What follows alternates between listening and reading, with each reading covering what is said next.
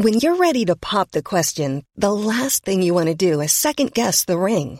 At Bluenile.com, you can design a one of a kind ring with the ease and convenience of shopping online. Choose your diamond and setting. When you find the one, you'll get it delivered right to your door. Go to Bluenile.com and use promo code LISTEN to get $50 off your purchase of $500 or more. That's code LISTEN at Bluenile.com for $50 off your purchase. Bluenile.com code LISTEN. Hey, it's Ryan Reynolds, and I'm here with Keith, co star of my upcoming film, If, only in theaters, May 17th. Do you want to tell people the big news? All right, I'll do it. Sign up now and you'll get unlimited for $15 a month in six months of Paramount Plus Essential Plan on us. Mintmobile.com slash switch. Upfront payment of $45 equivalent to $15 per month. Unlimited over 40 gigabytes per month. Face lower speeds. Videos at 480p. Active Mint customers by 531.24 get six months of Paramount Plus Essential Plan. Auto renews after six months. Offer ends May 31st, 2024. Separate Paramount Plus registration required. Terms and conditions apply if rated PG. Planning for your next trip? Elevate your travel style with Quince. Quince has all the jet setting essentials you'll want for your next getaway, like European linen, premium luggage options, buttery soft Italian leather bags, and so much more. And is all priced at 50 to 80% less than similar brands. Plus, Quince only works with factories that use safe and ethical manufacturing practices. Pack your bags with high-quality essentials you'll be wearing for vacations to come with Quince. Go to quince.com slash pack for free shipping and 365-day returns.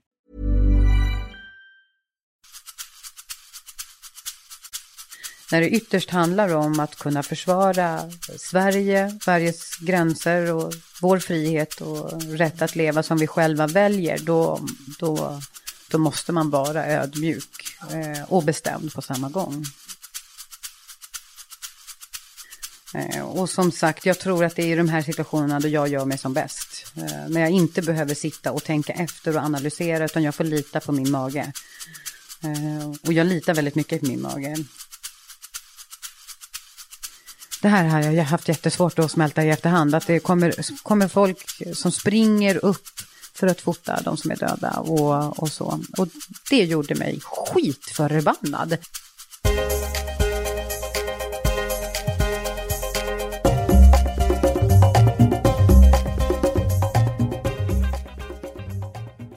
Välkommen till Karriärpodden. Det är jag som är Eva Ekedal och i Karriärpodden intervjuar jag Sveriges mest framgångsrika kvinnliga ledare.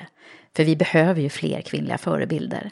Det här avsnittet är det andra i en serie som vi gör tillsammans med Försvarsmakten, där vi har en speciell frågeställning som vi tar upp lite extra mycket och försöker tränga djupare i. Och den här gången är det dags att diskutera kommunikation kring kriser och hur man agerar som ledare.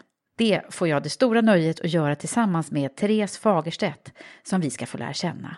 Therese är idag kommunikationschef för Försvarsmakten på Gotland och har arbetat i tio år i Försvarsmakten, i både militära och civila befattningar inom kommunikation. Både i internationella insatser som pressofficer och på mediecentret på Försvarsmaktens informationsstab.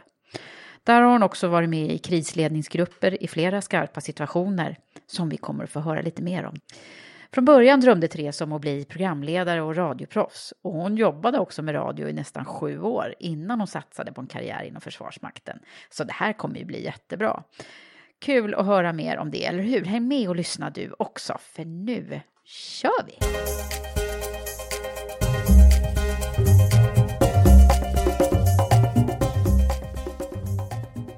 Välkommen Therese! Tack så mycket! Therese Fagerstedt. Och det här är ju så kul, jag sitter just och småler lite för att jag tänker att jag har läst om att du är ju egentligen ett radioproffs. Just det, precis, det är där jag har min bakgrund. Ja, och så, och så sitter jag här och eh, ska instruera dig i poddstudion. ja, det går jättebra tycker jag. Ja, men berätta, du, det var din, din dröm från alla början, eh, första början att jobba med radio? Ja, verkligen. Eh, så länge jag kan minnas har det alltid varit drömmen att få prata i radio. Du vet man satt när man var liten med de här kassettbandspelarna ja. och spelade in sig själv och körde musik. Så jag hade ju liksom stora program eh, där jag då var radioprogramledaren som alla lyssnade på. Kunde köra allt ifrån ja, underhållning till eh, intervjuer med artister och så nyheter då, förstås. Allt påhittat i ett litet flickrum i Bredäng. Ja men gud, är det sant? ja. Och nu sitter du här, fast det är jag som är programledare. Ja. Men, ja, men du har ju jobbat med radio professionellt. Jag gjorde ju det faktiskt. Och det är så roligt eh, att jobba med, eh, Mm. verkligen. I många år. Sju år hann jag jobba med, med radio. Och det var faktiskt radio jag jobbade med eh, från början också i Försvarsmakten. Ja, det var så. Mm. Så, så det var så jag hamnade. I försvaret. Okej, men du det här, nu ska vi ju ta allting från början så att vi hänger med här. För nu, vi, det här är ju ett temaavsnitt också med, som vi gör tillsammans med Försvarsmakten ska vi säga. Så att vi kommer ju att fokusera lite på en speciell frågeställning som vi har ställt till tidigare gäster. Men det tänker jag vi gör lite senare i programmet. Och så måste vi få reda på hur du har hamnat där du har hamnat och, och från drömmarna då om att bli radioprogramledare Ja. med eget program så, så är du nu. Vad är roll, exakta rollen som du har nu? Idag är jag då eh, kommunikationsansvarig eller kommunikationschef då för Försvarsmaktens eh, verksamhet på Gotland. Eh, vi har ju precis återetablerat kan man väl säga. Vi har haft en liten paus. Även om hemvärnet då har varit på plats så har vi inte haft några fasta förband på Gotland eh, sedan 2005. Och nu eh, är vi eh, tillbaka på ön och ska bli lite Eh, ja, vi ska, vara, vi ska vara där igen helt enkelt och ha fasta förband. Och det var ju från början ett regeringsbeslut. Men eh, något då som vår överbefälhavare Mikael Bydén eh, bedömde att vi kunde tidigare lägga. Mycket då på grund av den eh, omvärld som vi ser idag. Med, Med hur det ser ut? ja, om. med hur det ser ut, framförallt då i Östersjöregionen. Där Gotland då ligger mitt i smeten. Så det är klart att vi ska ha soldater på Gotland. Men hur har då resan dit sett ut? För det här gör du då sen hur länge tillbaka? Sen i mars Sen i faktiskt, mars, så det är det är väldigt nytt. nytt. Ja. Ja. Men eh, om man, om man blickar tillbaka då, vad, vad, hur började din, din karriär? Min karriär började egentligen eh, när jag gick i gymnasiet eh, och ville tjäna lite extra eh, pengar. Jag har egentligen aldrig, jag ska vara ärlig och säga, jag har aldrig varit särskilt duktig i skolan. Eh, alla saker som, som eh, har behövt ja, som har inneburit att man behöver sitta och plugga och läsa och traggla igenom böcker från perm till perm. Det har liksom aldrig varit min starka sida. Jag är en doer, jag behöver göra saker för att och liksom känna att det ger mig någonting. Eh, och i gymnasiet då så tänkte jag att jag skulle tjäna lite extra pengar och började jobba på posten. Eh, och där jobbade jag då eh, med paketinlämning och kundtjänst och lite sådär, svara i telefon. Jag tyckte det var ganska roligt. Serviceyrken tilltalade mig på något vis. Det var roligt att få liksom göra andra människor glada och nöjda på något sätt och, och lite så. Och sen bytte jag ganska snabbt till United Parcel Service, UPS. som också är ju då paket och så. då. Stort amerikanskt. Stort amerikanskt, ja. Precis. Och efter ett tag så kände jag efter att ha jobbat på kundtjänsten där att nej, jag ville, jag ville någonting mer. Och det har hela tiden varit det som är min drivkraft. Jag vill någonting mer. Jag vill ta nästa steg, en ny utmaning, nya äventyr. Det är det som drar mig framåt.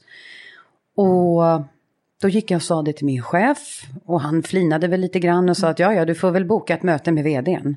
Jaha, tänkte jag, då gör jag det. Och jag Hur gammal var du då? Då var jag 22. och jag tror att eh, när min chef sa åt mig att söka upp vdn, då sa han ju det med lite glimten i ögat och tänkte att det gör ju hon aldrig. Men det, det gjorde jag. Så att jag bokade Så ett möte med honom. kan vi liksom redan nu eh, bocka av på dig eller? Ja, precis. Exakt. Så att det- jag gick upp och satte mig där i hans eh, rum och han frågade liksom, jaha, vad har du på hjärtat då? Och jag sa det att eh, nu vill jag göra någonting annat, nu har jag suttit här så länge, jag har så mycket bra idéer och presenterade några av idéerna liksom eh, för honom då, hur man skulle kunna jobba med varumärke och eh, lite sådär liksom. Och han tyckte att det lät riktigt spännande och sa att ja, en medarbetare här, hon som är ansvarig för all intern kommunikation, UPS Norden, och det var då Sverige, Finland, Norge, Danmark, Island och Grönland. Hon skulle plugga i ett år. Och de letade just nu efter någon som var lämplig och kunde ta över efter henne då. Och frågade mig om jag var intresserad.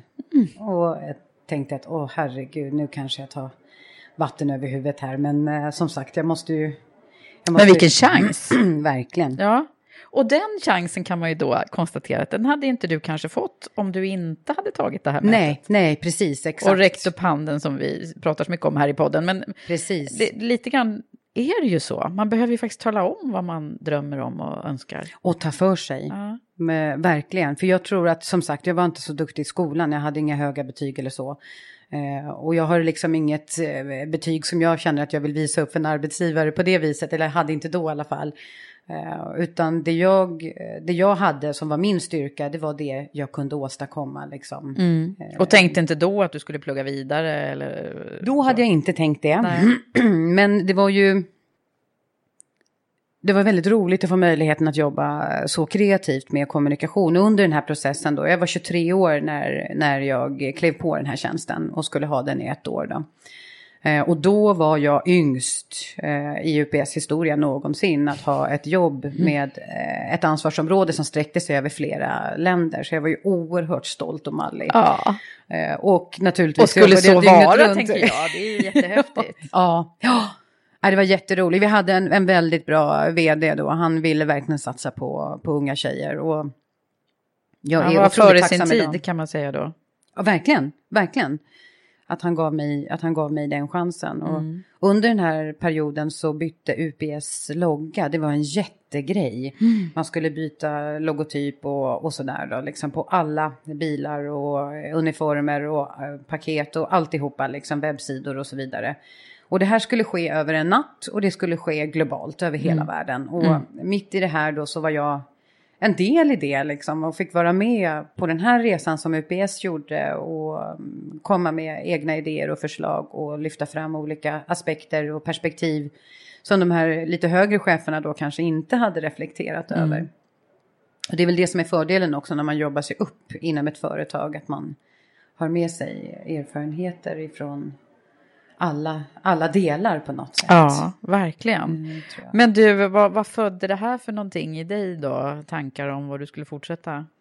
Ja, nu, nu blev det ju på allvar kommunikation som jag ville jobba med. Eh, verkligen, åh vad jag trivdes. Och när eh, den här tjejen kom tillbaka då som jag vikarierade för så kände jag att nej, jag vill inte gå tillbaka till kundtjänsten. Jag vill inte backa. Nu hade jag lärt mig så oerhört mycket och jag som sagt vill ju bara driva på framåt. Jag vill framåt. Och du hade ju liksom fått smak på det på riktigt Ja, då. verkligen. Åh, vad jag trivdes. Ehm, så att jag sökte faktiskt till eh, lite olika journalistutbildningar. Och då sökte jag så många journalistutbildningar som jag bara kunde. Eh, och det var Journalisthögskolan både i Stockholm och i Göteborg och det var eh, lite folkhögskolor och sådär.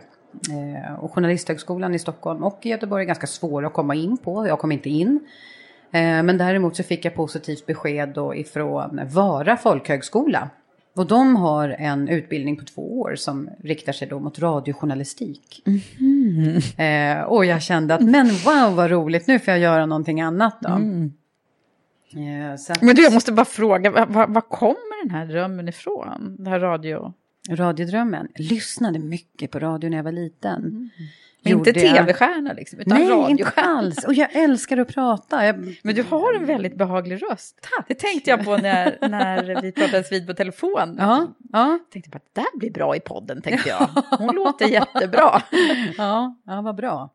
Nej, men tydlig och, och liksom eh, rak Mm. låter din röst. Just det, precis. Det har jag fått höra många gånger. Ja, du Ja. har det.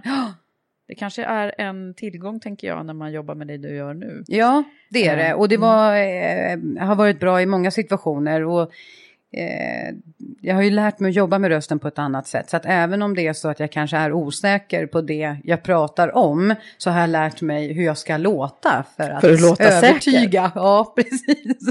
Hur ska man göra Precis.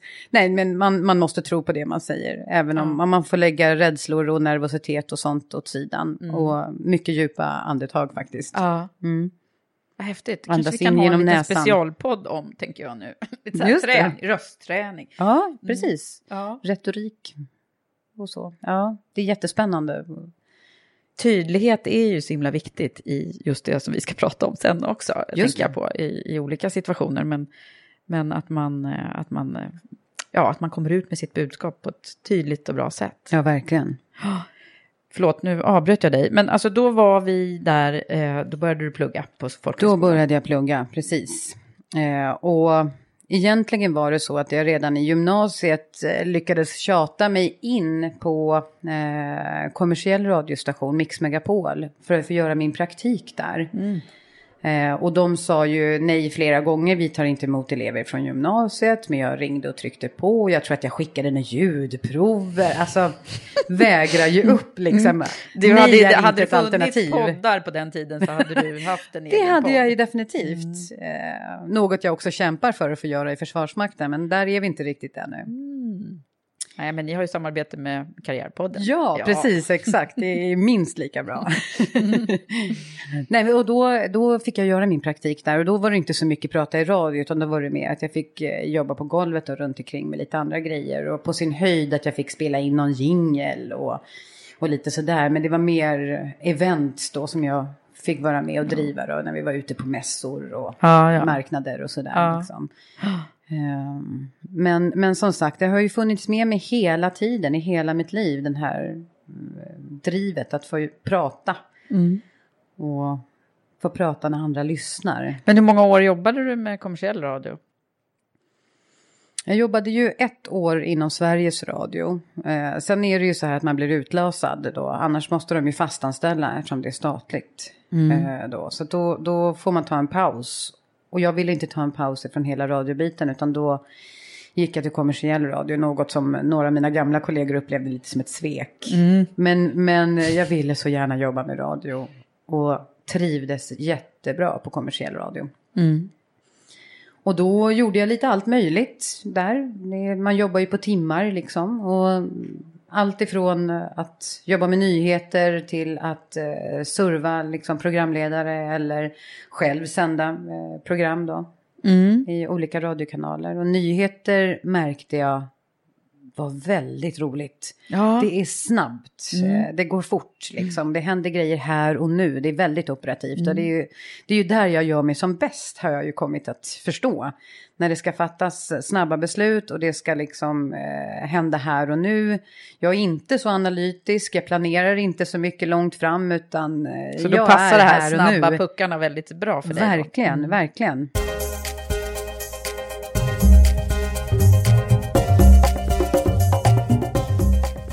Men hur, hur blev det det militära då? Det är ju den stora frågan. Det, ja, verkligen. Jag var ju 28 år gammal när jag mönstrade. Det är ju lite i äldsta laget. Är det eh, Ja, det är det. Mm. Eh, absolut. Och då var det så att jag fick ett telefonsamtal ifrån en gammal kollega som jag hade jobbat med eh, på radio innan. Som numera jobbade då på Försvarsmaktens informationsstab, heter det då. Och han eh, hade hört nu att de skulle, ja, Försvarsmakten skulle upprätta en enhet då för psykologiska operationer, psyops. I den här enheten skulle det finnas en radioförmåga. Mm. Eh, och det var ju i den här snabbinsatsstyrkan för EU, Nordic Battle Group. Det var första gången som Sverige skulle ha ansvar att sätta upp den, så vi hade inte gjort det här tidigare. Mm. Eh, och skulle rekrytera närmare 3000 soldater. Och Oj. då var det ju fortfarande så att vi hade värnplikt i Sverige. Vi hade mm. inte det här yrkesförsvaret som vi eh, har haft vi har nu. Haft nu nej. Eh, så då var det ju liksom lite panik och det brann lite i knutarna och var ska vi få tag på så mycket personal och, och så. Och det gick ju vägen, det var inga konstigheter. Eh, men då blev det lite sådär att man fick eh, mönstra när man var 28 och göra en grundläggande militär utbildning som är något kortare då än... För det var alla tvungna att ha eller hur, hur, för att komma in på den här, hade du kunnat gå rakt in i den här rollen utan grundläggande utbildningen? Nej, det Nej. hade jag inte. Eh, jag skulle ju ha då en militär befattning i Nordic Battle Group. Alltså det vill säga att jag skulle ju jobba i, i uniform. Då. Det var inte en civil befattning Nej. som den jag har idag. Nej. Eh, så att då var man tvungen att ha eh, de mest grundläggande delarna med sig. Då. Ja. I det här så hade jag en sex månaders befattningsutbildning. Så först gick jag då en grundläggande militär utbildning. Jag mönstrade faktiskt på min 28-årsdag. Mm. Eh, och mina vänner eh, som, som känner mig som jag vuxit upp med, de kunde verkligen inte alls se det här framför sig. Hur, hur jag kunde göra det här valet Nej. plötsligt. Liksom. Nej, från kommersiell radio till Ja, verkligen. Jag tror inte att någon hade sett mig i en uniform eller i den här militära kontexten någonsin. Så att, ja, folk skojade bakom ryggen på mig och sa att det var en tidig 30-årskris. det sant, ja. det kanske ligger något i det. Men återigen, det har att göra med det här att jag hela tiden drivs av att få prova nya saker och utmana mig själv. Och det finns nog ingen arbetsplats där jag har fått möjligheten att utmana mig själv så mycket som jag har fått göra i eh, det militära. Och lära mig så mycket om mig själv också i de här olika befattningarna och delarna och alla utmaningar som man ställs inför mm. när man mm. jobbar i, i Försvarsmakten. Men det här var alltså 2008 eller 2007? Då? 2007 var det här. Va, va, hur, hur, hur var det då när du, när du mönstrade och gjorde den, genomförde den här grundläggande utbildningen? Var du ensam tjej eller var det kanske många Nej, tjejer då? då? Då var det ganska mycket tjejer under den här grundläggande militära utbildningen då. Mm. Ehm, och det berodde nog på att man behövde fylla massa med, med tjänster då som sagt. Vi skulle ju ha 3000 soldater ungefär i Nordic Battle Group. Och mycket av de här, eh, det kunde vara allt ifrån läkare till eh, personaladministratörer, arkivarier, alltså det var liksom allt möjligt. Ja, just det, för det är ju en grej som man kanske inte tänker på så himla mycket, att det finns ju så många olika roller ja, inom. det gör det. Eh, alltså när jag, jag måste erkänna att jag har ju själv haft massa förutfattade meningar om, om Försvarsmakten, nu börjar jag lära mig lite mer, men, men alltså att det är att man ligger ute i skogen och krigar eller så är man ute på någon båt typ, men, men det finns ju så otroligt mycket Ja, det gör det. Jag menar, både sjukvård och administrativ personal och nu är det IT och det finns ju naturligtvis jättemånga olika roller. Försvarsmakten ska ju spegla ett litet samhälle i miniformat kan man säga. Alla delar som behövs i ett, i ett samhälle behövs ju också i Försvarsmakten. Aha. För att vi ska kunna eh, vara så breda som möjligt. Och kunna... Men hade du koll på det här innan? Eller? Nej, absolut inte. Absolut Men visste inte. du att du skulle jobba med, med eh, radio eh, och kommunikation? Ja. Det visste du mm. liksom när du började? Jajamän. Mm. Eh, under förutsättning då att jag klarade av den här grundläggande militära utbildningen, mm. att jag liksom lyckades dels genomföra den helt, eh, helt och hållet då, och sen att jag fick godkänt resultat. Ja, gjorde du det då? Ja, uppenbarligen. Ja, uppenbarligen.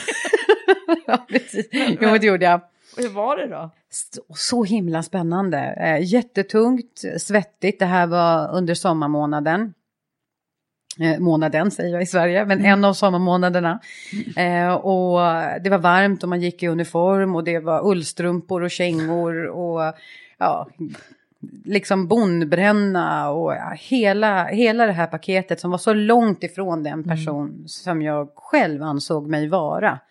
Eh, och det var nog det som jag gillade. Det var så nyttigt att få prova mm. någonting eh, som jag inte riktigt identifierade mig med. Jag fick, det var ju väldigt fysiskt eh, ansträngande mm. förstås. Mm. Eh, och jag har alltid sett mig själv som väldigt stark. Jag orkar bära mycket och tunga saker och länge och sådär. Men eh, det här var ju på en helt annan, en annan nivå. Så att jag fick ju prova, jag fick prova på att göra saker som, som man inte hade fått prova på att göra mm. annars så att säga. Alltså bara det här att lära sig att, att uh, överleva i skogen. Jag är en, en citypingla. Jag mm. har ju liksom... Breding sa du? Ja, precis. Och liksom levt och uh, vuxit upp i Stockholm i hela livet. Storstad, asfalt, betong, hela det där paketet liksom. Mm. Jo, jag tog en skogspromenad ibland, men mer än så var det egentligen Nej. inte. Så att det här var en helt ny värld för mig en värld som, som eh, jag tyckte var väldigt, väldigt rolig. Mm. Inte minst för att jag insåg att jag klarade så mycket mer än vad jag trodde. Mm. Men eh, hur gör man där då? Liksom, eh, då är det ju blandat tjejer och killar och så. Men mm. med fysiska olika alltså det vi har i, i naturen, att eh, killar oftast är faktiskt starkare mm. och sådär. Tar man hänsyn till det eller är det så att ni tjejerna får lika tunga ryggsäckar och lika svåra utmaningar så att säga? Ja visst är det så. Det är så? Ja, det är, Bra, det är lika. Ja, det är jättebra. Det tyckte jag faktiskt jag också. Mm. Eh, så det var, det var eh, samma förutsättningar och det var samma styrketester och det var samma utrustning och, och mm. sådär. Så att, mm. ja, absolut. Mm, det är bra det där. Men du, sen så det här Nordic Battle Group måste vi ju höra mer om. Vad, vad, det låter ju så här, Battle Group. Vad ja, är, en stridsgrupp. Vad, vad, är det för någonting? Det är ju då, eh, EU har ju olika medel för att kunna verka om det är så att det skulle uppstå en konflikt. Då. Eh, Nordic Battle Group har ett område att täcka kan man säga 600 mil ifrån Bryssel.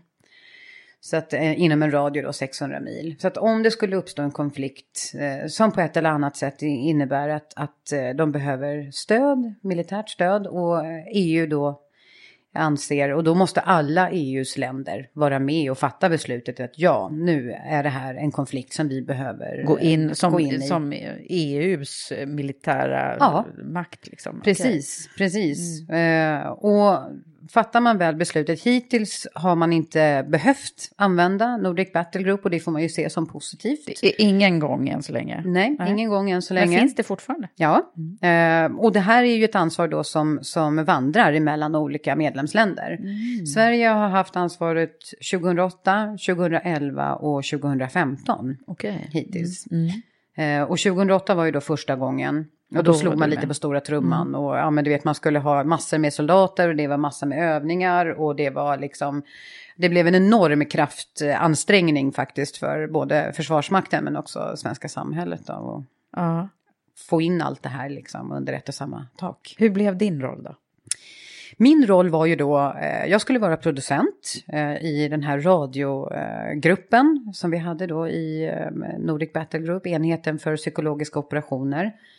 Eh, och det är inte det här eh, propaganda kanske som man ser riktigt framför sig, utan det handlar snarare om att vi ska kunna nå ut då till en eh, befolkning i ett land där vi blir insatta på ett snabbt och smidigt sätt. Så att Nordic Battle Group hade en inställelsetid på tio dygn. Så från det att EU fattar ett beslut så skulle vi vara på plats inom tio dygn. Mm. Och då när vi är på plats så ska vi ja, alltså inom några timmar egentligen, men helst några, eh, någon dygn åtminstone, mm. eh, vara operativa och kunna köra då den här radiostationen, en mobil radiostation som vi eh, hade med oss. Mm.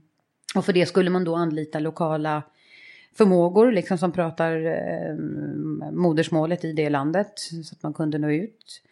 Och radio valde man ju för att det är inte alla länder som har tv eller som har elektricitet över eh, hela eh, liksom landet, mm. man så säger. Och sen så kan det finnas de som är analfabeter, eh, som kanske inte har möjlighet att läsa eller få tillgång till tidningar och sådär. Mm. Men radio är ett sånt media som finns nästan överallt. överallt. Mm. Det är väl det största om man skulle slå ut det globalt. Eh, och i många byar liksom, där det kanske är dåligt med elektricitet och så, så har man liksom eh, med, med, vevarm som man kan liksom veva upp och man samlas runt radion och sådär. Så att eh, det är en väldigt pålitlig mm. Eh, informationskanal. Ja, just det. Ja. Ja, men vad häftigt, så där var du verkligen, fick du ännu mer radio. Det blev ju lite som du drömde om, ja, tänkte jag då, fast ja. på ett kanske lite annorlunda sätt. Ja, verkligen. Och i det här fallet då, liksom verkligen kunna få göra nytta mm. i en kontext som, som eh, inte hade varit möjlig här i Sverige, Nej. för varken Sveriges Radio eller, eller kommersiell radio, utan att man kunde komma ut och liksom, eh, ja, berätta vad som händer just nu, vad är det liksom som pågår i samhället, på vilket sätt påverkar det dig? Mm. Eh, och också då föra ut eh, snabbinsatsstyrkans eh, budskap eller vad man ska säga då. Liksom, ja. Att vi, vi är här för att hjälpa er, eh, kom gärna till oss om ni behöver stöd, eh, lämna ifrån er era vapen. Det kunde vara all, alltså, mm. hur, hur många olika typer av budskap som helst som man kan föreställa sig, liksom, mm. så hade vi möjlighet att kunna sända dem. Men nu blev det ju ingen insats. Nej, det blev inte det. Nej. Så vad, vad, vad gjorde du då? då? Ja, nu hade jag ju tränat, jag hade ju liksom eh, övat och gett mig in i det här eh, med förhoppningen då att jag skulle få göra en insats utomlands. Jag kunde inte riktigt släppa det där. Eh, och i det här läget då hade jag också träffat min man eh, som vi hade liksom blivit ett, ett par och diskuterade fram och tillbaka. Han såg ju på mig också att nej, jag måste få göra det här. Ehm, jag sökte både Kosovo och Afghanistan då med utlandsstyrkan för mm. att få komma iväg. För, för, han, eh, vadå, han var kvar i Sverige? Eller? Ja, precis, mm. precis. Eh, men han ville verkligen inte att jag skulle åka till Afghanistan. Han var inte alls redo för det. Nej, för där var det stökigt då. Ja, ja mm. precis. Ehm, så att då fick det bli Kosovo. Vi hittade en, en kompromiss, om man nu kan kalla det det. Mm. Så jag åkte till Kosovo då 2009 och var där i nästan sju månader som pressofficer. Mm. För att liksom hantera då de kommunikativa delarna för den svenska utlandsstyrkan i, i Kosovo. Jaha, mm. så då är man med och eh, vad då? Vad gör man då? Man pratar med, eh, med staben, eller vad säger jag, med själva regementet eller? Alltså det man, det man gör är ju att, dels är man ju ansvarig då för den interna kommunikationen i, i förbandet. Det här Förband var ju då, en, eller och kontingenten kan man kalla det för också, men det är ett svårt ord. Mm. Eh, på den här tiden så hade man inte riktigt smartphones och eh, så här liksom så att eh, ja, var inte alla som hade mobiltelefonen med sig ner till Kosovo. Nej. Eh, utan ja, det fanns lite datorstationer på kampen där som man kunde gå och sätta sig vid en liten stund. Facebook var relativt nytt. Eh, och sådär, så att det, liksom, det kommunikativa såg lite annorlunda ut då. Dels hade jag ju kontakt då hem hela tiden eh, till högkvarteret då i Sverige. Eh, och också kunde svara på frågor ifrån media då om man undrade liksom vad som eh, hände. Var det väldigt oroligt då? Nej, det var faktiskt inte Nej, det. det var ju efter det hade... Det här var precis efter att Kosovo hade utropat sig som självständiga. Eh, så att de, de stora stökiga perioderna, de var förbi. Men, men som i alla konfliktområden så vet man ju aldrig riktigt när och hur eller varför det blossar upp. Utan ja, vi behövdes ju eh, fortfarande då. Och inte minst för att kunna hjälpa till och eh, träna och utbilda Kosovos egna styrkor. Då. Hur var det då tyckte du? Alltså då hade du längtat lite efter att få göra den här utlandstjänsten och så. Ja, det var väldigt mycket upp och ner var det. Eh, Det är ganska jobbigt att komma till ett område som har varit så eh, utsatt för, för hat kan man väl kalla det för. Eh, när man ser att, att det är ett samhälle i spillror liksom. Det är så mycket som behöver byggas upp och det krävs ett otroligt engagemang ifrån folket. Och fortfarande fanns det ju när jag var där en del eh, konflikter mellan då eh, serber och kosovoalbaner. Och alla som, som hamnar i, i kläm liksom, de är ju barn och Så kvinnor. man har, du har sett mycket elände kan man säga där. Ja, faktiskt. Hur, hur grejar man det tänker jag? Utan Man att behöva liksom, utan att gå in mycket. och vilja hjälpa till med Ja, allt. precis. Prata, prata, prata, prata. Man får prata om det man ser eh, med sina kollegor och kamrater som man är där tillsammans med. Eh, med sin familj sen när man kommer hem. Att man får berätta om sina intryck och sina känslor och det man har sett och tagit del av. Och vi gjorde också så, och det var en väldigt viktig del av eh, hela kontingentens arbete, att man kände att man bidrog till någonting. Jag tror att det är svårt att se att just min enskilda insats har påverkat eh, landet Kosovo. Liksom. Eh, men däremot så kunde jag ju göra saker som gjorde eh, situationen och livet bättre för, för enskilda människor, individer. Vi gjorde väldigt mycket insamlingar här i Sverige. Och tog med mycket, hade samarbete med flera olika dagis i närheten där jag bodde. Jag gick bara dit och frågade liksom. Om det är så att det finns någon som är intresserad av att ge bort kläder, eh, skor, gummistövlar, täckjackor, allt sånt här liksom, leksaker. Ja. Så att alltid när man var hemma på liv, då man fick ju åka hem och ha lite ledighet hemma och träffa familj och vänner och så igen. Men när jag kom tillbaka då hade jag alltid med Alltid mig med dig. flera säckar med, med grejer då som folk hade hjälpt till. Och, Och det fick man göra såklart. Ja. Ja, och det, det var väldigt betydelsefullt. Det gjorde väldigt mycket. Det gjorde gott i själen. Liksom, Ja, när man det kunde förstår få... jag. Här är ju liksom konkret, du fick se vad det Ja, vad verkligen. folk blev glada då. Ja, och så kunde jag ta lite bilder och så lämnade jag tillbaka det till Mm, förskolan då så de kunde sätta Just upp det. och alla fick se liksom Gud, vad hur. bra. Så det, var ju, det var ju mer de små insatserna som, som eh, jag har valt att bära med mig i efterhand. Mm. Liksom, att man, man fick göra skillnad för en person där och då.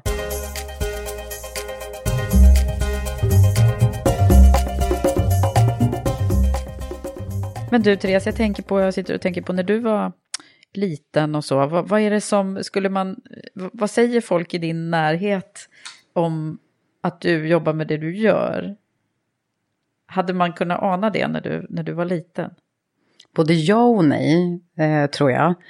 Eh, jag har alltid varit en, en eh, väldigt, eh, vad ska man säga, bestämd person. Alltid liksom. Eh, jag pekade med handen när jag var två år gammal. Liksom. Det var verkligen så. Att det var Den tydligheten har du haft med dig. Alltid, alltid, ja. Eh, Och på det viset så, så passar jag ju väldigt bra i Försvarsmakten. Jag, det är kanske en av anledningarna till varför jag trivs så bra också. Att jag får jobba med människor som kommunicerar på det viset. Med tydlighet och att man är rak och ärligt ledarskap och de, här, de här bitarna. Liksom. Var, kom, var kommer det här ifrån att du är så där, tror du? Jag vet inte. Hur ser familjesituationen ja, ut? Jag är ju äldst då. Eh, mamma och pappa skilde sig när jag var fem. Och sen så har ju eh, båda två träffat nya efter det då, och har fått eh, syskon på båda sidor och så. Så jag har ju varit äldst och alltid varit den då som kanske har tagit väldigt mycket ansvar. Eh, min mamma har ju varit sjuk eh, till och från också. Så att jag har ju liksom kanske fått ta mer ansvar då för eh, mina syskon då än, Mm. än vad en, en vanlig stora syster får göra så att säga. Var det då. när du var riktigt liten också? Eller när du var Ja, det har, jag har ju känt det här ansvaret hela tiden. Eh, sen, sen mamma var dålig då. Eh, och mm, sett till liksom att jag har varit den som har fixat med middag och hjälpt till med läxor. Och ja, men, eh, lärt dem att cykla. Och ja, men det har liksom varit väldigt simma och en massa sådana här grejer. Liksom. Eh, och jag är ju då äldre, ganska mycket äldre än, än flera av mina syskon. Jag har en syster som är tre år yngre än mig och hon och jag har jättenära och fin relation och har hängt ihop hela livet då. Eh, och sen så har jag liksom mindre syskon som jag inte har bott med på samma sätt. Eh, för jag är 12 och 19 år äldre än, än de Ja. på mammas sida. Ehm, så att... eh, Vad har det här betytt för dig, tror du? Att du har haft den här syskonförgreningen då? Jag vet Det är ju, inte många, riktigt. det är ju liksom en, en, en modern konstellation kan man ju säga. Ja, precis. Det har ju det har betytt att jag har fått eh, väldigt tidigt lära mig att ta ansvar och också kanske kompromissa. Att även om det har funnits saker som jag har velat göra så har jag låtit dem stå tillbaka för att jag ska finnas till hands för mina syskon. Liksom. Eh, väldigt mycket så eh, faktiskt. Vilket har gjort att jag alltid på ett eller annat sätt har hållit mig i närheten. Eh, där de har varit. Jag har försökt att stötta dem och backa upp dem väldigt mycket. Och sen 2012 så är min eh, yngsta lillebror familjehemsplacerad hos oss. Eh, och det kämpade jag väldigt länge för. Eh, att få honom att, att eh, få bo hemma hos oss då. Jaha. Mm. vår mamma inte... Ja, hon, hon mådde inte så pass bra så hon kunde ta hand om honom helt enkelt. Och då, Nej. men det, är- det är inte lätt att få till. Och då bodde de dessutom i Skåne och jag bodde här uppe i Stockholm. Så att det var ju liksom många bitar som vi skulle få passa. Men, men eh, Så, så han bor hos dig fortfarande? han bor hos mig fortfarande. Gör han. Men nu fyller han 19 i år. Så nu vet jag inte hur mycket jag har att säga till om längre. Nej. Så du blev stor. liksom lite extra mamma kan man Ja, säga. ja men så, så har det varit. Och ibland kanske jag också har tagit på mig den rollen när jag inte har behövt det. Bara för att, jag vet inte, det, det, liksom, det ligger i mig på något sätt. Jag vill ta hand om och, och se till att få det bra. Och det kanske har varit björntjänster ibland. Men ja, Men det där är ju intressant att se också hur det påverkar liksom hela ens... Jag tänker på det du gör i, i jobbet och Ja. det här som du just beskrev om att hjälpa andra och så. Det, alltså, det, det ligger lite i, i naturen på något sätt. ja då. det gör nog det. det, gör det. det. Det gäller ju liksom, eh, i Försvarsmakten här nu i den eh, rollen som jag har idag så har jag verkligen hittat ett, ett sätt att kombinera det här hårda, eh, fyrkantiga och tydliga med det här liksom mjuka eh, och känslomässiga på något sätt. Liksom. Att man får det bästa av, av de världarna. Och det är, jag tänker att jag har träffat många som har militär bakgrund och så som, som faktiskt har en ganska bra balans mellan det där. Ja. Ja. Är det något man lär sig eller är det så att ni vill rekrytera den typen av människor? Nej, men det, ja, kanske både och. Svårt att säga. Eh, jag tror att man också blir väldigt ödmjuk när man jobbar med den här typen av frågor som, som vi jobbar med. När, man, när det ytterst handlar om att kunna försvara Sverige eh, och Sveriges gränser och vår frihet och rätt att leva som vi själva väljer, då, då, då måste man vara ödmjuk Ja. eh, och bestämd på samma gång. Just det. Där satte du nog ödmjukt men bestämt på samma gång. Där satte du en, det var ett citat kände jag nu.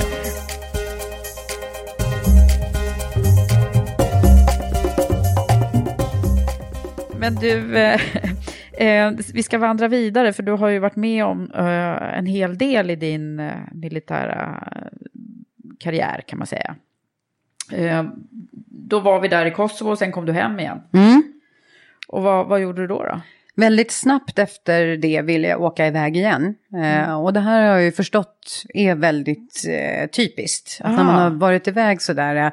Eh, alltså det, det, finns så mycket saker jag kan prata med varm om när det kommer till Försvarsmakten. Men den här känslan som man får när man är tillsammans med ett helt gäng med andra människor på en plats. Eh, liksom tillsammans. Man kommer varandra så väldigt, väldigt nära. Mm. Och den här, den här lagkänslan, den här kamratskapen, den går inte att beskriva med ord. Jag tror inte att man kan uppleva den i något annat yrke faktiskt.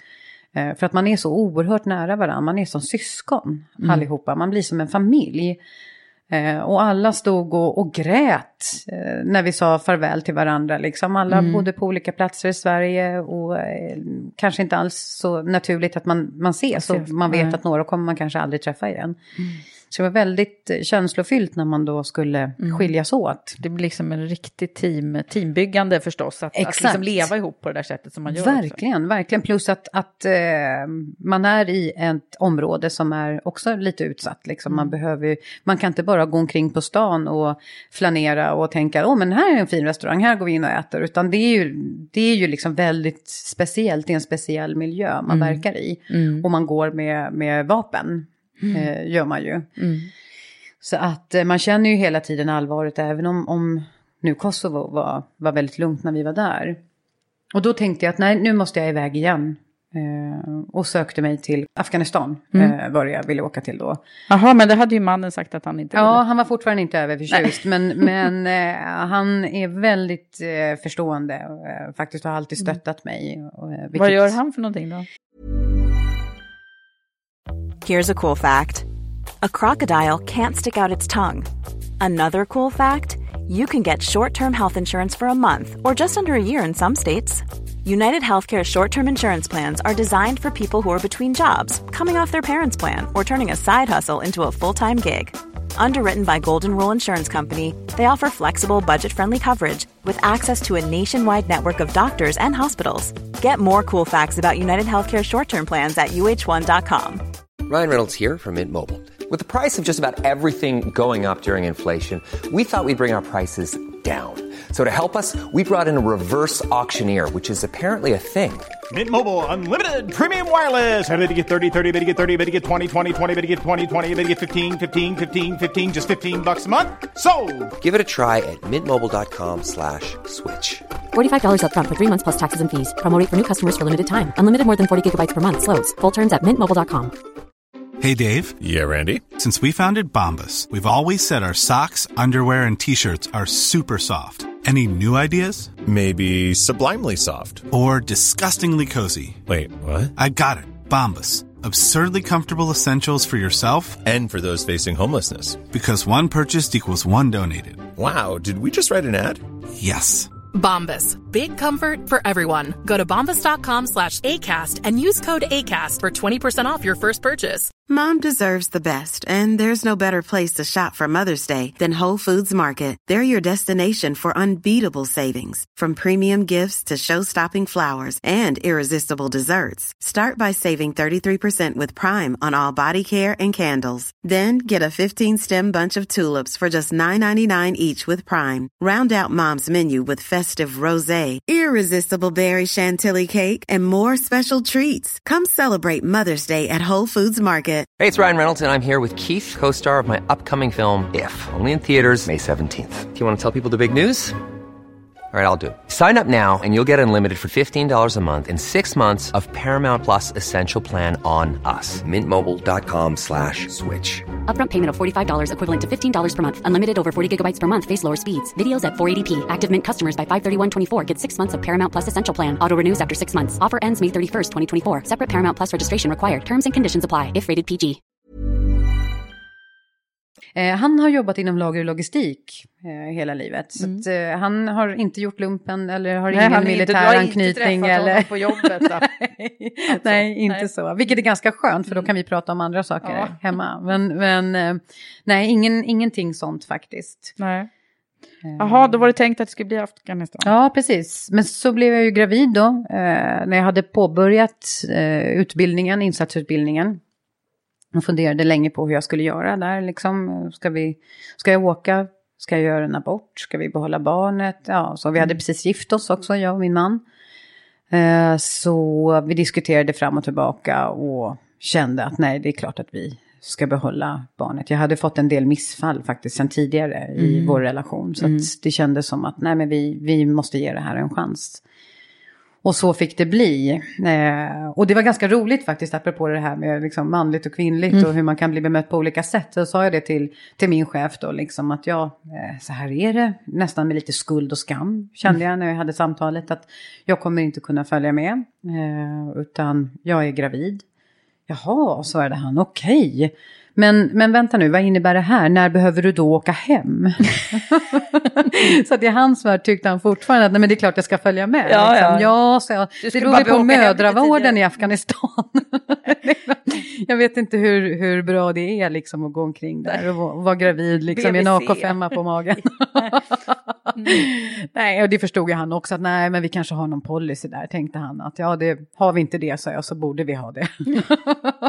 Ja, ja. Men det blir ju också så. liksom, alltså just den här typen av eh, eh, ja, utmaningar man kan ställa sig inför. Liksom. Mm. Och då fick jag ju istället göra min tjänst i Stockholm på Högkvarteret då, på Försvarsmaktens kommunikationsavdelning. Mm. Och på den vägen blev det så att säga. Jag trivdes jättebra där. Jag jobbade mycket med eh, frågor då mot eh, utlandsstyrkan och, och de internationella insatserna som, som vi har. Mm. Eh, och främst Afghanistan. Då var det också ett eh, produktionsbolag som ville göra en tv-serie som hette Krigets fotspår. Mm. Eh, så att jag fick vara lite mellanhand och kontaktperson för dem där, så att de fick de eh, delar som de behövde ha och så. Då. Ah.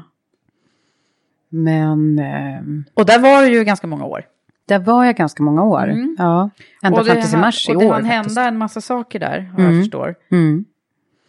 Ja, precis. Det händer ju. Försvarsmakten har ju en ganska så, så stor eh, verksamhet, eh, både nationellt och internationellt. Vi finns ju i nästan överallt. Eh, och har man människor eh, som jobbar med det som vi gör så då händer det saker. Och tyvärr inte alltid roliga saker. Nej. Ganska tuffa grejer att behöva hantera. Kan du berätta om, om något som du kan berätta om? ja, eh, min först, mina första månader där, eh, då hade vi ju ganska så stor styrka i Afghanistan och vi eh, var i områden också där vi ofta blev beskjutna. Och då hände ju det värsta tänkbara, att vi Mm. hade två stycken officerare som blev ihjälskjutna Mm, i. Afghanistan under en patrull. Mm. Och då, då hade vi en, en riktig kris. Kris, mm, apropå det ämnet vi har. Apropå det ämnet, Ja. ja, precis. Och det var, var... En kris går i olika faser. Eh, först så blir det omedelbara, när man inser att det finns risk för människors liv. Eh, och då måste man hantera det direkt. Eh, se till att alla de som var runt omkring då kom i säkerhet och att de som var med på platsen får det stödet som de behöver. Eh, och sen också här hemma med familjer och vänner och kollegor, eh, chefer och allt sånt liksom. Mm. Så att det, det blir ju liksom den omedelbara fasen när det händer någonting utav den här karaktären. Och då ligger det på, på, på den enheten där du har, har Väldigt mycket jobbat, gör ju det. All Mm. kommunikation går ju ut därifrån. Mm. Både då internt och, och externt och så även då mot media. Och då börjar ju telefonerna att ringa. Mm. Eh, och vad har hänt? Och så är ju frågan då hur mycket kan man berätta? Ja, Är anhöriga underrättade? Nej, det är de inte. Nej, då kan vi Börjar ju inte vi gå där. in på några Mm. detaljer. Vi kan liksom inte berätta mer utan vi får ju bara säga att ja, nu, nu, ja, vi har haft en, en, eh, en händelse och vi får återkomma när vi vet mer. mm. Och det är ju så man får jobba, man får uppdatera hela tiden. Eh, Det är ju liksom en krisorganisation som går igång då på högkvarteret. Eh, Vi har en, en armétaktisk stab som finns där som då ansvarar för våra internationella insatser och stödet till dem. Och där drar man då igång en, en krisorganisation där man försöker jobba då för att få hem soldater som är skadade. Vi behöver ju också få hem de som har stupat. Mm. Eh, Man behöver omhänderta de som är på plats. Finns det stödet som vi behöver? Behöver vi skicka ner ytterligare personal eh, Mm. för att kunna ta hand om de som nu är chockade, eh, kanske mår dåligt, är ledsna. De har förlorat sina kollegor och sina bästa vänner. Mm. Och som jag sa då, när man är i en insats då är man ju familj. Man är så Mm. oerhört eh, nära. Mm. Och sen så liksom, ja det är massor med olika saker som man ska behöva hantera. Och så media på det då förstås. Eh, Har ni eh, även eh, psykologer och beteendevetare anställda på kommunikation eller är de ute? Vi har inte det inne på kommunikationsavdelningen men vi har ju det i Försvarsmakten. Ja. Har vi. Eh, Vi har ett stort HR-centrum som det heter då som jobbar med, med den typen av frågor och Mm. där har vi psykologer anställda. Mm, just det, som får jobba extra mycket då. Exakt. Mm. Så är det ju. Och sen så är det väl så också att vi har avtal med olika Mm. eh, försvarshälsan och lite sådär. Så man kan ju liksom ta in extra resurser om det är så att det, Ja, att det, det. behövs. Och sen har vi ju faktiskt präster. Mm, just det. Har vi. Och de är ju Som är, också eh, oerhört bra att ha i ett sånt här läge. Som är eh, anställda. Ja, precis. Vi har en på, minst en på varje förband. Visste inte jag. Mm. Försvarspräster, eller Ja. vad heter de då? Ja, heter de stabspastor eller... Okej. Okej, man får lära sig om era... Ja, men det är verkligen som ett litet verkligen samhälle. i miniatyr. Ja, visst, det, det är det.